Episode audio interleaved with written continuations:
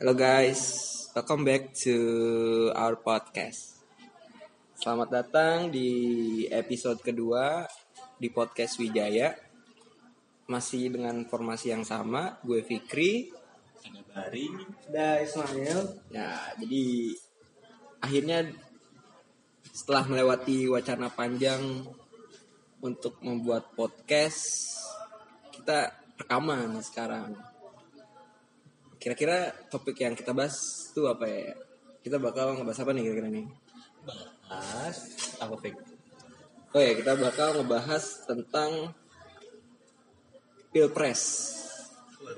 Pilpres masih nyambung dengan episode pertama mengenai ya Pilpres ini. Kenapa kita bahas ini? Karena mungkin agak greget ya kita sebagai penonton mengenai kondisi perpolitikan di Indonesia. Apalagi kemarin setelah gue lihat di berbagai kanal media sosial ataupun berita, eh, KPU memberikan kisi-kisi ketika menjelang debat pilpres, gitu. debat antara paslon. Ya lu bayangin aja, formatnya sebelumnya adalah eh, debat-debat aja gitu dengan pertanyaan spontan. Yang nggak tahu sih di belakangnya gimana, cuman yang kita lihat kan sebagai penonton itu pertanyaan-pertanyaan spontan dan presiden calon-calon presiden ini kita percaya memiliki kapabilitas untuk menjawab pertanyaan-pertanyaan tersebut gitu untuk menggali lebih dalam visi misi dan gagasannya. Tapi ternyata saat ini muncul nih kisi-kisi kisi-kisi apa aja sih yang mau ditanyakan gitu. Walaupun gue tahu sebenarnya KPU punya tujuan sendiri kenapa eh, mereka melaksanakan wacana itu gitu. Nah, gue pengen nanya nih ke teman-teman gue, ke Bari dan Mael, menurut kalian sebagai penonton melihat adanya wacana ataupun tindakan KPU yang seperti itu gimana sih? Mungkin dari Mail, menurut lu gimana Il? Apakah lu ada di posisi setuju atau tidak? Hmm, mungkin gua pengen ngelihatnya itu dari tujuan dari debat itu sendiri ya. Eh, yang namanya kampanye, yang namanya pemilu, itu kan nggak jauh-jauh ya. Si debat publik ini kan juga jadi sarana bagi calon untuk meyakinkan apa para pemilihnya untuk memilih mereka gitu ya istilahnya mereka jualan lah gitu nah eh, si debat publik ini kan sebenarnya juga bisa jadi sarana bagi para calon itu untuk menggait suara.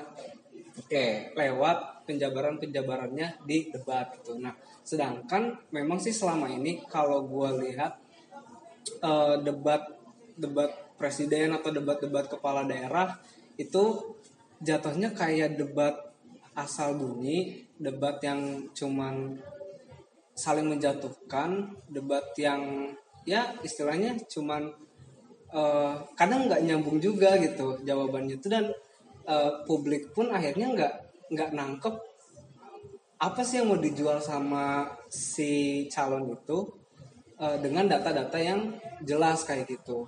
Itu dapat dipertanggungjawabkan. atau dapat dipertanggungjawabkan. Jadi kalau menurut gua format ngasih pertanyaan atau ngasih kisi-kisi di awal ini jadi apa ya? Jadi salah jadi suatu hal yang baru memang. Cuman ya memang kita nggak memungkiri kalau di publik itu juga jadi perdebatan. Tapi kalau gue sendiri sih setuju. Setuju ya? Emang tapi kalau misalkan gue lihat ya, eh, fungsi debat sih sebenarnya gue melihatnya dari sudut pandang gimana gue nggak peduli siapa yang menang yang kalah dalam debat, tapi bagaimana sebenarnya ini sebagai cara si paslon ini memperjualbelikan, eh, sorry memperjualbelikan, maksudnya menjual eh, menjual gagasannya dia gitu, bukan memperjualbelikan sorry tadi, Eh, menjual gagasannya dia sebagai calon ke publik gitu.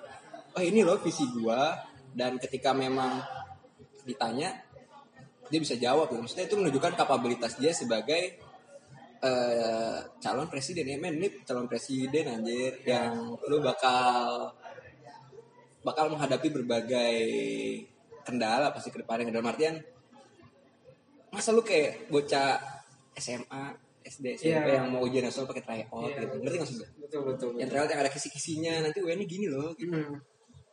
iya ngerti nggak iya gue ini sebagai pemimpin loh ini, ini pemimpin kita. Cuman- Ap- apakah memang KPU sorry ya, apakah memang KPU ini meragukan kapabilitas dari paslon-paslon kita meragukan soalnya gue lihat ada salah satu orang KPU tuh bilang eh ini supaya nanti jalan debatnya lebih kedua paslon bisa menyampaikan lebih jelas dan mendalam gitu.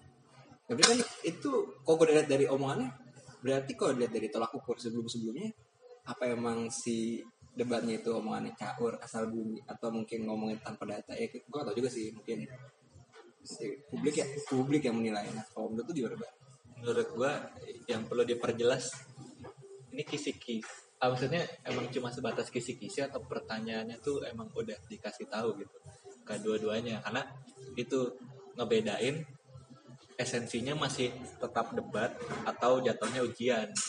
Karena kalau dikasih tahu kisi-kisi atau pertanyaannya jatuhnya kayak ujian sebenarnya gue lebih setujunya. Kayak gimana ya? Jadi mereka udah ada persiapan mau ngomong apa gitu. Sedangkan kalau debat kan yang di diperlihatkan itu adalah kesiapan secara langsung pengetahuan umumnya dan secara umum pola pikir pasangan ini dalam memimpin Indonesia. Menurut gue sih lebih setuju kalau nggak ada kisi-kisinya. Emang kemungkinannya adalah uh, bakal banyak data-data yang nggak belum tentu valid atau nggak terverifikasi. Tapi itu bisa jadi penilaian setelah debatnya. Misalkan kalau dia menghas udah punya persiapan dan data yang dikeluarkan itu bisa dikritik, ya itu berarti jadi kelemahan paslon itu. Jadi gue gimana ya? Gue sih nggak setuju. Iya. Oh, jadi gini ya kalau lu lihat ya udah lu sebagai penonton kalau misalkan ada calon yang caur nyebarin hoax doang keresahan ngomong tanpa data ya lu tinggal nggak usah pilih nggak sih kalau lu melihat itu lihat kapabilitas ya maksudnya Iya sih. harusnya tuh KPU ya udah kita lihat siapa nih kita proses kita tunjukkan siapa sih yang punya kapabilitas ketika ingin memimpin. Tapi gue nemu juga nih ada saling tuduh di antara dua kubu. Ada yang bilang oh calon ini dulu yang minta kisi-kisi gitu. Ngerti nggak sih gue Tahu tuh. gue gak tahu ya Kalau itu sih. Saling tuduh. Ini nih yang minta kisi-kisi doang menurut gue ya itu jatuhnya ya isu aja sih. Itu aja ya? Jadi isu yang diangkat ya yang namanya pemilu kalau ada isu naik aja pasti rame gitu dan pasti dua dua dua kubu ini juga coba manfaatin isu itu gitu ya ya yang satu mengklaim kayak gini dengan adanya isu isu itu terus yang satu lagi klaimnya menjatuhkan yang lain gitu. jadi ya saling aja sebenarnya kalau kata gue sih gitu terus apakah memang KPU insecure kali ya? lu kalau ngelihat kis, ngasih kisi-kisi dia insecure ya sama kapabilitas kedua cowok ngerti nggak sih sampai dia bilang biar lebih jelas dan Mungkin berdasarkan evaluasi sebelum-sebelumnya mereka memilih untuk memberikan kisi-kisi biar lebih jelas. Nggak tahu nih makanya sebenarnya yang diperlukan adalah alasannya kenapa KPU sampai uh, mengeluarkan wacana bukan mengeluarkan wacana sampai menyatakan hal tersebut. Pembenarannya apa gitu. oke. Apakah cuma mau coba hal yang baru atau emang itu evaluasi atau apa gitu kan ini nggak ketahuan nah yang jadi itu jadi apa ya jadi perbincangan liar di masyarakat gitu Nah, masih terkait pemilu, seperti yang kita bahas nih, yang kita omongin tadi. Eh, tadi sempat nyinggung ya masalah mencegah informasi penyebaran informasi yang tidak dapat dipertanggungjawabkan. Nah, banyak nih mem isu-isu yang nggak bisa dipertanggungjawabkan beredar di publik. Lu tau masih isu-isu apa aja yang sekarang lagi kantap? Iya tuh dari dia. Cina tujuh kontainer Nah, itu kayak ketika ada isu itu langsung tuh jadi santapan publik yang renyah gitu langsung orang-orang percaya men tanpa harus cross check lebih lanjut. Menurut, menurut kalian tuh gimana sih? Lu gerah gak sih ngelihat penyebaran isu itu atau lu malah mikir lu udah sadar ah itu eh, paslonnya aja yang paslon capresnya aja yang caper ngasih-ngasih eh, ngangkat isu itu biar dapat perhatian atau gimana? Lu gimana? Lu gimana? kalau menurut gue sih sebenarnya dari semua kasus eh enggak enggak semua kalau kasus yang tujuh kontainer ini kan bukan paslonnya yang bereaksi ya salah satu timnya kan yang bereaksi uh, dari apa Andi Arief ya dari Demokrat kalau menurut gue sih sebenarnya itu cuma ya itu kayak si Mail bilang aja ketika ada suatu isu mau itu benar atau salah selama itu merugikan yang lain akan di blow up. Dan menurut gue pintarnya adalah eh, ketika berita-berita kayak gitu mencurigakan sering kali disamarkan dengan kata-kata tolong cek atau hal-hal yang jatuhnya tuh kayak lepas tangan gitu. Karena gitu iya, ya, kayak kayak kayak yang tujuh kontainer itu kan si Andi Arief itu kan nge-tweetnya eh, tolong cek ini benar nggak gitu. Jadi ketika orang menuduh bukan menuduh orang bilang bahwa si Andi Arief ini yang menyebarkan hoax dia bisa lepas tangan. Dia bisa bilang oh bukan gua kok yang nyebarin gue cuma minta cek gitu. Tapi secara tidak langsung dia itu menggulirkan suatu wacana yang nggak jelas informasinya apa. Gitu. dan ya menurut gua emang udah nggak sehat sih dan emang yang melakukan hoax pertamanya kan juga nggak ketahuan siapa. Apakah salah satu paslon? Bisa jadi bukan dua-duanya. Bisa jadi dari kelompok yang emang pengen memecah belah Indonesia aja yang suka aja dengan keributan atau atau bisa aja orang atau individu atau kelompok yang punya motif ekonomi bisa juga. Dan ya karena media sosial nggak terlacak bukan nggak terlacak susah terlacak dan orang gampang bersembunyi di balik identitas lain jadinya gampang aja tersebar gitu menurut gue ini butuh kebijakan dari masyarakat sih tapi ya itu masyarakat kita masih percaya yang kayak gitu-gitu Hmm. dan itu emang PR yang berat gitu untuk uh, masyarakat dan pemerintah mengatasi hoax Lu gimana?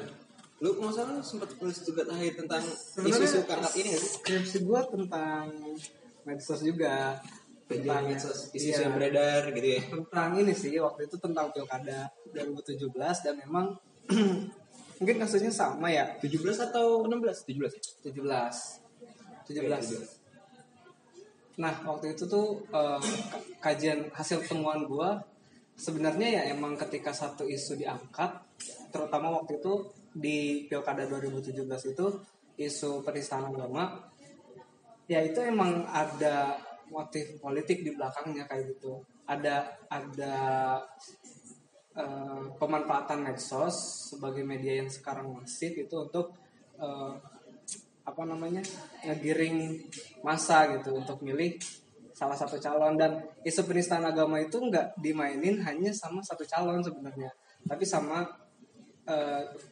calon yang juga eh, kena lah pokoknya kena kena kena kasusnya kayak gitu. Berarti kedua belah pihak? Dua kubu itu mainin sebenarnya dan saling mengklaim kalau eh, ya istilahnya kayak gini ketika kubunya Anis Sandi waktu itu bilang Pak Ahok penista agama dan segala macem kubunya Ahok juga bilang kalau Anis Sandi itu mainin isu agama gitu. Iya, iya. isu ras. Jadi maininnya tuh kayak gitu dan emang eh, kalau dari kajiannya Merlin Halim itu eh, di skripsi gua eh, medsos itu bikin polarisasi. Polarisasi itu apa ya? Keterbelahan Iya, ya terlalu- netizen lah gitu. Iya, iya, iya. keterbelahan netizen itu membelah dua pihak ya atau membelah masyarakat lah itu ya. dan itu jadi lebih clear gitu. Lebih jelas lebih tegas gitu pem- pemisahannya itu. Jadi ada ada eh, pihak-pihak yang mencoba untuk mengkapitalisasi itu juga. Sehingga akhirnya eh, apa ya muncul okupasi-okupasi baru kayak bazar dan segala macam yang itu eh, punya hubungan sama elit-elit politik untuk ngegiring suara. Dan akhirnya netizen tuh cuman korban sih sebenarnya. Netizen tuh cuman jadi korban dari itu kayak gitu Oke oke oke. Sebenarnya tapi gue gue lihat ya kalau lu ngelihat di presiden election di Amerika juga gitu kan bare. Iya sama. Dan kalau yang kan lo ngasih jurnal gue, gue situ Iya. baca. Kalau di situ emang kecenderungan fake newsnya atau hoaxnya itu emang kalau di sana merujuk lebih ke salah satu menguntungkan salah satu calon, Satu pihak kan. salah satu pihak yang emang lebih sensasional. Dan itu jadi menarik aja sih dan dia yang menang gitu. Jadi apakah itu pengaruh atau enggak? itu jadi mungkin Iya. tolak ukur oh strategi ini berhasil kan udah kita lakuin aja kayak gitu bisa jadi ya salah satu karena Memasarkan podcast ini. Iya, karena, karena insecure aja mungkin salah satu calonnya untuk menawarkan gagasan gitu. Anjing ini gue kok kayak gagasan tapi kayak nggak bisa nih gue bilang nih. Akhirnya gue ya udah gue main ini bisa jadi. bisa jadi bukan gagasan sih sebenarnya gagasan bisa aja punya tapi kan eh, pemilu kan ujung-ujungnya dipilih atau enggak gitu Iya. ya ya udah pakai cara apa pun aja asal dipilih gitu Ya, lu bebas pakai alat apa aja yang penting Iya. iya pego gitu kan. Iya, itu kayak jatuhnya ya emang hal jeleknya dari demokrasi sih karena yang dipilih emang yang yang terpilih itu yang dipilih paling banyak bukan dari kapabilitasnya Ya. Tapi menurut gue memang itu sih ketika kita kan menuhankan demokrasi ya mungkin sekarang bisa dibilang menuhankan demokrasi walaupun realit realita aja bakal gitu juga cuman eh kita tuh asas demokrasi kebebasan berpendapat.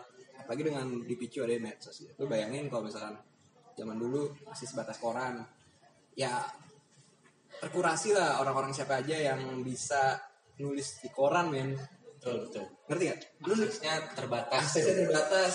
Orang-orang tertentu yang bisa nulis di koran gitu. dan ketika lu ngirim tulisan di koran pun itu ada proses screening lagi cuy. Lu nggak bisa kan nulis asal-asalan terus masuk koran terus tulisan lu nggak berkualitas gitu. Terus mulai berkembang ada TV yang hadir-hadir di eh, media-media besar kanal-kanal televisi juga.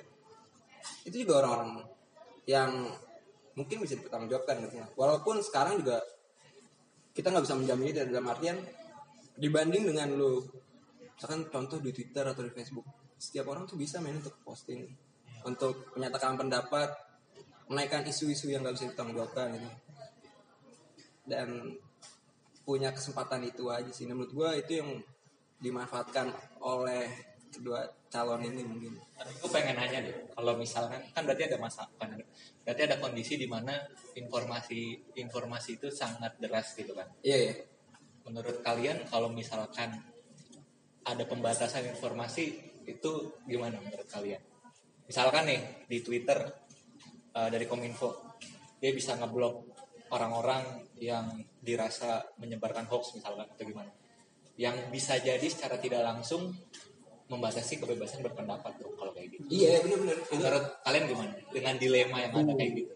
itu sebuah dilema sih itu kayak Tapi kalau gue nggak setuju sih. gue nggak setuju sih membungkam suara dalam artian ada hoax.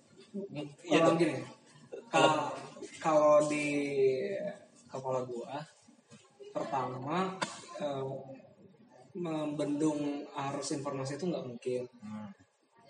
Eh, dalam kajian-kajian tentang media sosial pun emang media sosial ini sebenarnya dilematis. Di satu sisi dia jadi corong demokrasi karena orang jadi punya eh, suara yang bisa didengar sama publik kayak gitu. Meskipun gue sendiri itu nggak punya perusahaan media tapi gue bisa bersuara lewat medsos kayak gitu. Eh, jadi di satu sisi dia jadi corong demokrasi yang bisa eh, membuat publik itu partisipatif terhadap eh, perpolitikan di suatu negara. Tapi di satu sisi juga tadi jadi ber- em, jadi menimbulkan konflik, perpecahan, eh, polarisasi yang makin tajam gitu kan, intoleransi itu muncul kan gara-gara Iya. ada konflik itu kan. Jadi emang dilematis. Cuman eh, kalau ditarik solusinya adalah harus membatasi Harus informasi. arus informasi itu juga salah karena potensi untuk eh, terbentuknya demokrasi dengan adanya media sosial itu juga jadi terhambat kayak gitu. Nah, eh, maka kalau menurut gua solusi alternatifnya adalah sebenarnya literasi digital.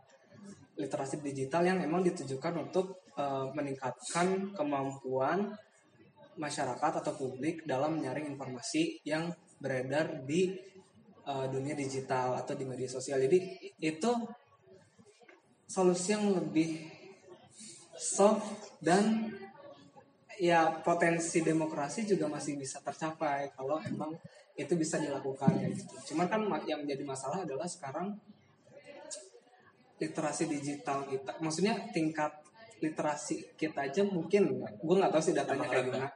Rendah kan? Jadi karena rendah ya wajar. Kalau potensi untuk demokratisasinya itu nggak tercapai malah sebaliknya gitu. Malah yang polarisasi toleransi yang justru jadi tercapai kayak gitu. Jadi jadi terjadi gitu. Itu sih kalau kata gue berarti mendewasakan masyarakat lah ya? Heeh, jadi lebih ke masalah pendidikan. edukasi ke masyarakatnya tuh kayak gimana gitu. soalnya gue juga mikir sih kalau masyarakat udah dewasa gitu tentang isu-isu ini gitu nggak kemakan isu-isu kritis lah dengan lagi nggak akan laku men isu-isu hoax ini nanti Ya, dan makanya emang sebenarnya kita juga patut mempertanyakan sama diri kita sendiri sih. Sebenarnya kita kegiring nggak Iya, sih? kita itu? menurut gue nih. Karena kita juga kita. kita juga sekarang ngomongin ini karena ini muncul di media gitu. Yang juga pasti dimobilisasi isunya sama elit-elit politik dan kita emang ke bawah juga sebenarnya sampai kita akhirnya mau ngebahas isu ini. karena menurut gue itu tuh akal-akalan dari elit-elit itu aja sih maksudnya dia nyari perhatian masyarakat yang penting isu ini naik pasti kan ke bawah tuh eh, kubu-kubu siapanya naik ngerti nggak sih?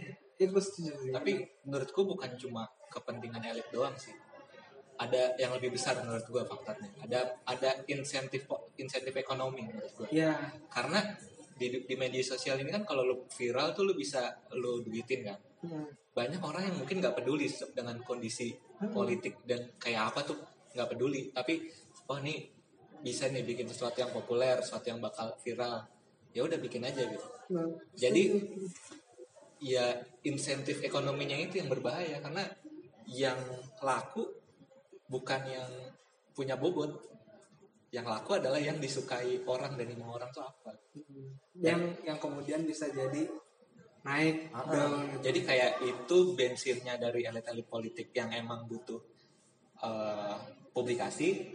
Jadi kayak saling siram-siraman bensin ke api Ya yang udah nyala besar gitu. demand-nya ada supply-nya jadi Tambah. muncul gitu loh. Iya iya iya iya iya ya. karena memang ya seperti itu ya. Tapi menurut lu masyarakat sekarang tuh kemakan gak sih dengan itu? Atau mungkin ada sebagian yang udah muak gitu? sebenarnya ke kemakan itu gimana ya Maksud gua ada gak sih kelompok-kelompok yang ah ini mah akal-akalan ya aja aja gitu. Sudah udah sadar gitu. Sadar kalau mereka itu Gue ya, cuman kayaknya paling kalau buat mahasiswa mahasiswa kita udah paham lah ya. Tapi kalau yang gue lihat di keluarga besar gue sih banyak keluarga besar gue yang yang umuran tante-tante om-om gitu yang udah parah banget gitu.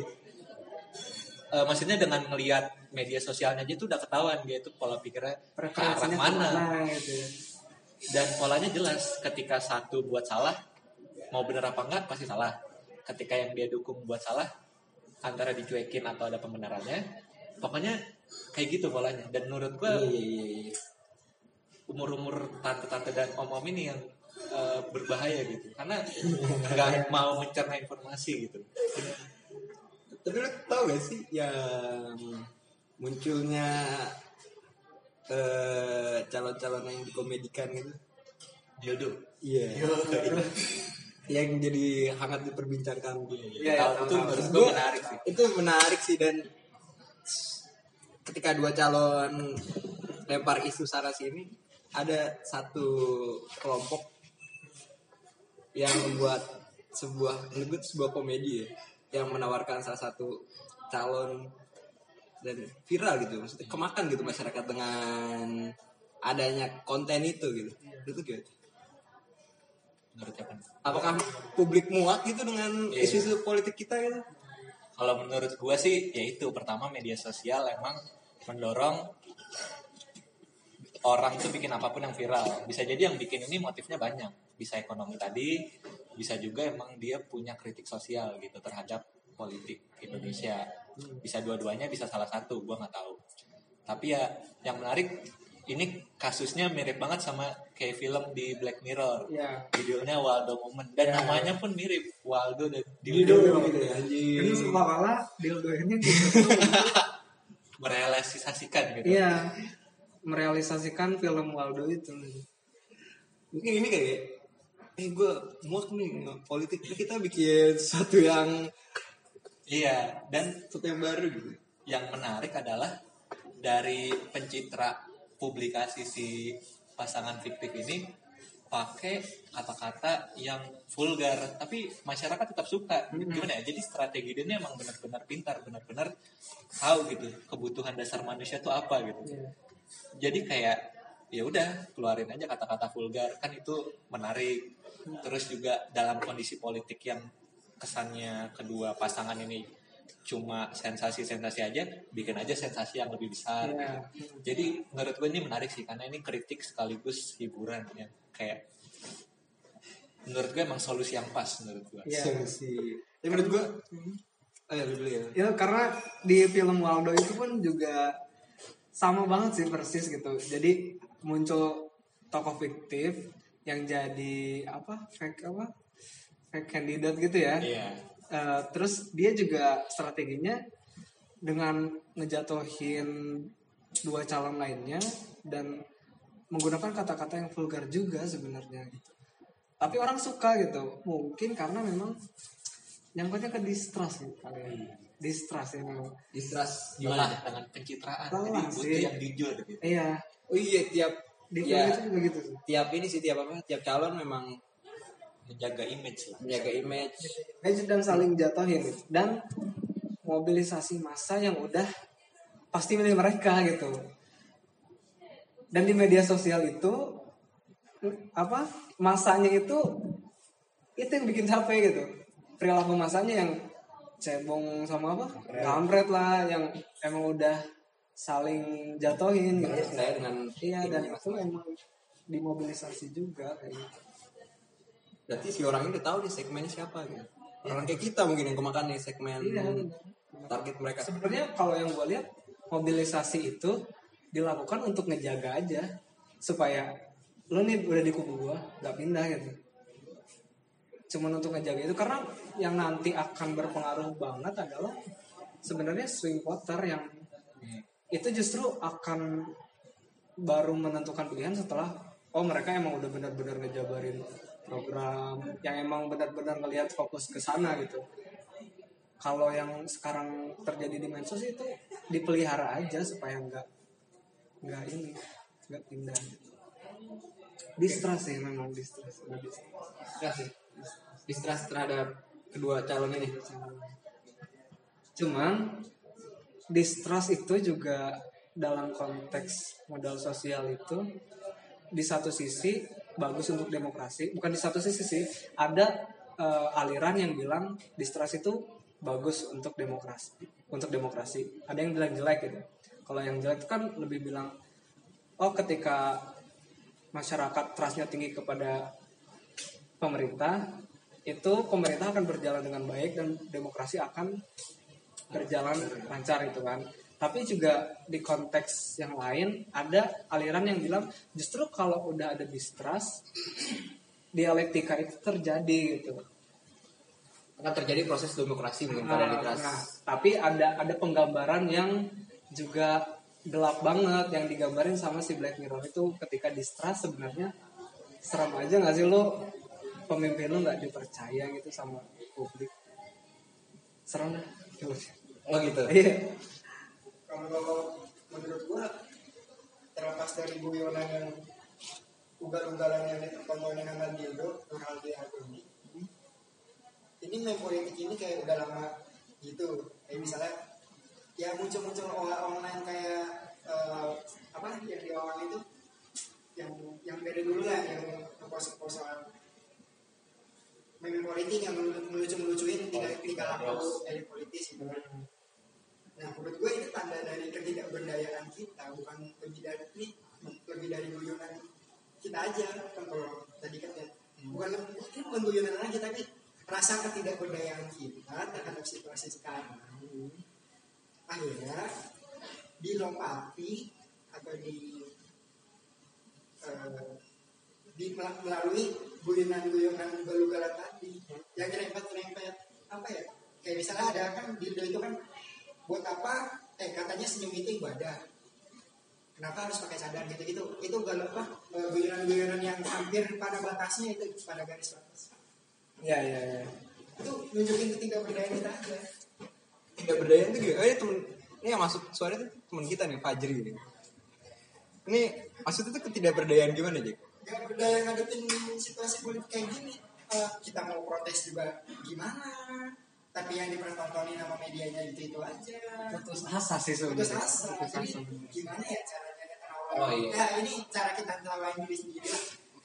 menurut gue ini sebagai ini sih kalau gue sejauh Bari tadi ini bisa juga sama Jack sebagai kritik sih yang gue bilang tadi kayak Bari bilang sebagai kritik di mana menurut gue sebagian publik tuh muak sih dengan apa yang dipertontonkan oleh kedua paslon maksudnya itu itu aja yang diangkat men kok nggak isu agama ini tiba-tiba kubu Jokowi itu maksudnya yang kata ada salah satu kubu Prabowo dulu masuk ke kubu Jokowi terus bilang coba tanya Prabowo bisa sholat gak maksudnya yang awalnya kubu Prabowo yang main isu agama tiba-tiba kubu Jokowi yang bilang tadi kedua kedua belah pihak tuh naikin isu agama.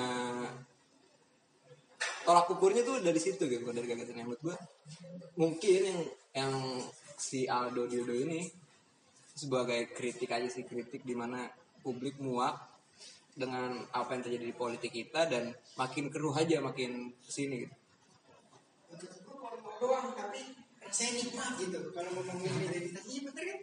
Nikmat banget kalau ngomongin menjadi yang murni itu nikmat banget. Kayak misalnya Iya, iya. dia kan menjadi yang murni itu nikmat banget. Wah gue betawi banget nih gue harus pegang betawi.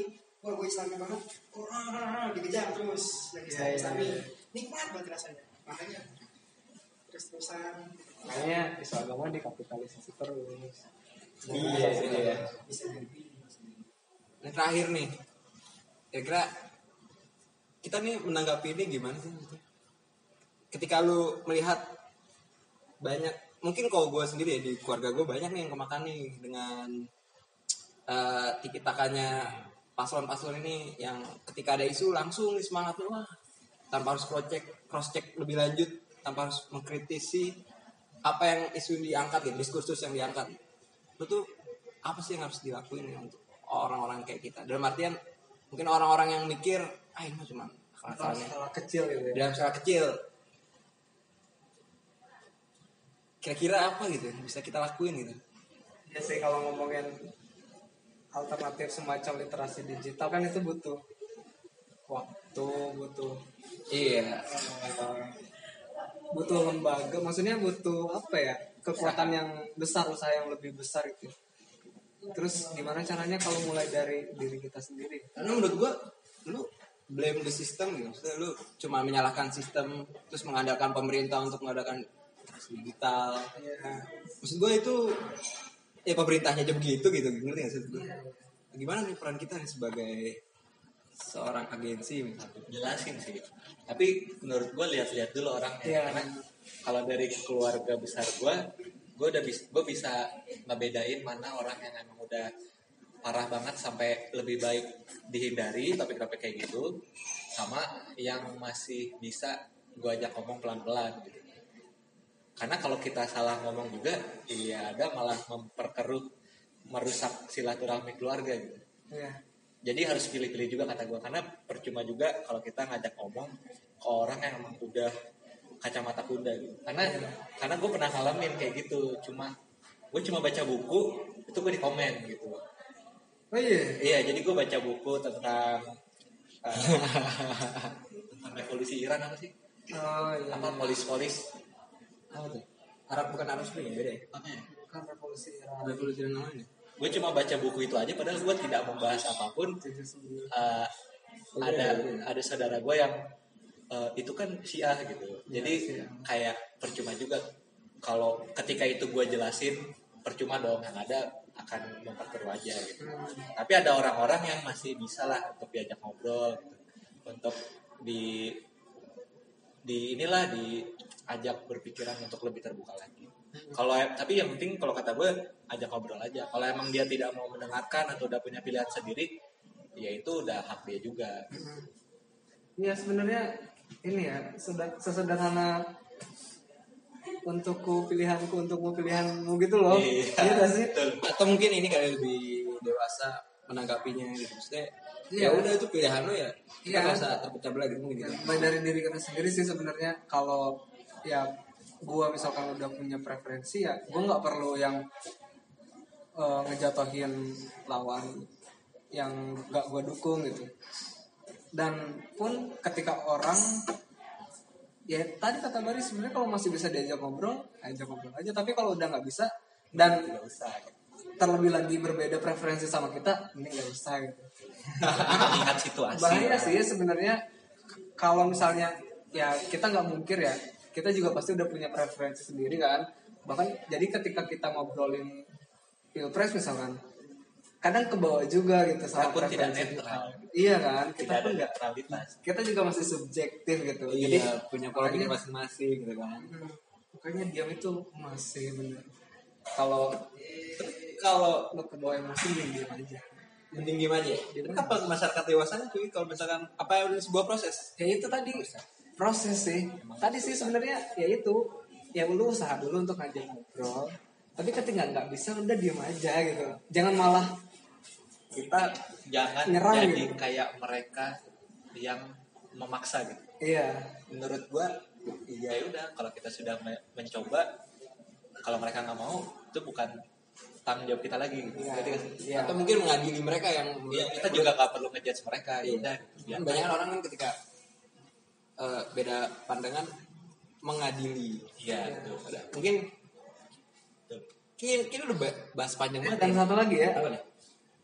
eh, podcast semacam ini juga bentuk literasi digital sebenarnya Gitu, oke. jadi ya usahanya sebenarnya nggak mesti yang seusaha kayak harus lu mengumpulkan orang terus ngajarin Iya. gitu edukasi tapi sesederhana lu nyebarin eh, narasi-narasi semacam ini lewat podcast lewat tulisan atau lu kalau lebih kreatif dikit bikin video dan segala macam se- selama masih lu bisa lakuin lakukan aja gitu. Atau sekedar sederhana nulis status di Facebook di Twitter. Itu kan makin menyebarkan semangat apa ya semangat untuk saling dewasa lah gitu dalam menyikapi pilpres ini. Oke, terakhir itu ya udah statement terakhir dari Maya ya. Oke teman-teman, sampai jumpa di episode selanjutnya. Eh, salam dari gua Fikri. mari Eh, sampai jumpa. Tiga klimaks. kan lama kan